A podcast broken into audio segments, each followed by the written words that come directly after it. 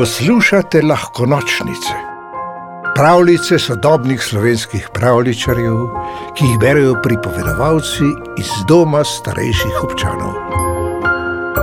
Igrišče pri zadnji luži. Travne bilke in cvetlice so se zibale v vetru in se med valovanjem šepetaje pritoževale nad sušo. Pisanega travnika že dolgo ni zalil dež. Zemlja je bila suha kot popar, le ena luža je ostala. Pri njej so se zbirale žuželke, da bi si potešile žejo.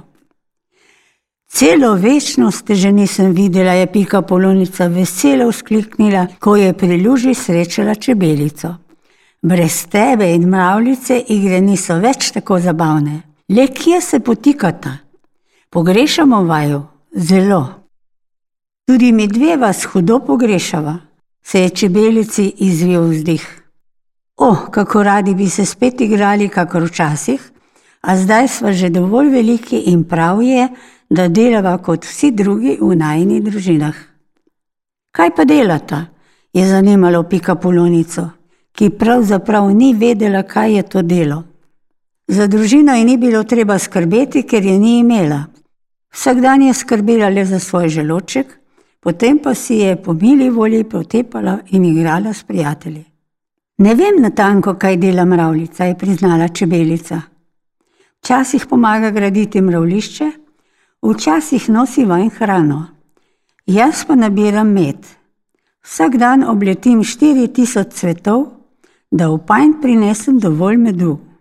Zvečer sem potem tako utrujena, da mi ni do igre, samo še zaspim. Z mravljico je gotovo podobno.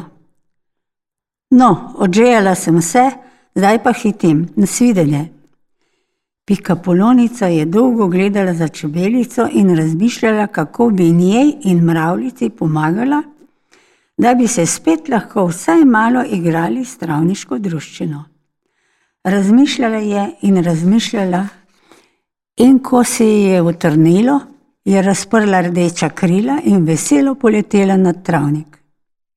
Drugega za drugim je poiskala prijatelje, s katerimi se je najraje igrala, jih povabila na njihovo priljubljeno skajališče pri zadnji luži. Metulj, čmrl, kobilica, muren in teževnik so se kar načakali, da je na zadnje tja prilezel tudi poš. Šele takrat je pika polonica začela razlagati, zakaj se čebelica in mravljica nič več ne družita z njimi. Če bi jima pomagali, bi spet imeli čas za naše skrivalnice, guganje na travnih bilkah, žoganje s semeni in hiškanje s poškom, je na koncu predlagala pika polonica in vsi so se strinjali. Že, že, to da kako lahko jaz pomagam, je zanimalo poža. Ne znam ne leteti, ne nabirati medu za povrhu pa sem še počasen kot poš. Zato pa si močan in lahko pomagaš mravljici. V hiško ti bo naložila hrano in ti jo boš počasi odvlekel k mravlišču, je predlagala pika polonica. Pomagali ti bodo tudi kobilica, muren in deževnik. Videli boste, v nekaj urah bo delo opravljeno in mravljica se bo preostali čas lahko družila z nami. Aha, že razumem, je zabrnčal čmarul. Metulj, ti in jaz lahko letamo od cveta do cveta in pomagamo čebelici polniti vrčke z medom. Tako ji ne bo treba obiskati 4000 cvetov na dan in bo dovolj spočita za igre z nami. Čudovito. Prihodne jutro so se prijatelji spet srečali ob zadnji luži in se takoj po zajtrku razdelili v dve delovni skupini. Prva je pomagala mravljici, druga čebelici, in kmalo po povdnevu so bili vsi prosti. Čebelica in mravljica nista mogli verjeti, da se lahko do večera, ko bo treba nazaj v čebeljak in mravlišče, spet lahko brezkrbno zabavata. Prijateljem ste se brez konca in kraja zahvaljevali. Nehajte že, je nujne zahvale končala kobilica. Delo je skoraj kot igra, če delamo skupaj. No, mogoče malce utrudljivo, a vsekakor zabavno. Ko so si odpočili, sta čebelica in mravljica izumili popolnoma novo igro, podzemno balinanje. Najpomembnejšo nalogo v njej je imel deževnik. V zemljo je skopal položen rov in vanj namestil kamenček, drugi pa so potem naslepo skozi ljukno frcali semena rastlin in deževnik je iz rova sporočal, če gavo je najbližje balenčku.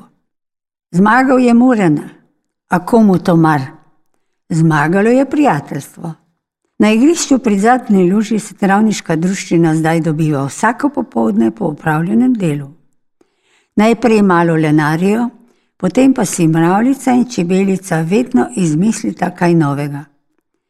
Zadnjič so se igrali, kdo najdlje pihne regratovo seme. Zmagal je veter, ki je tistega dne tako močno pihal, da je prinesel oblake in z njimi osvežilen dež za travne bilke in cvetlice. Veliko luč je nastalo, a prijatelji so se še naprej vedno dobivali pri zadnji. Pravljica napisala Damjana Kenda Husu, pripovedovala Mimi Žerjav. V deželo princesk, zmajev, gozdnih vil in ostalih čarobnih biti ste vabljeni na lahko nočnice, pika si, pa lahko noč.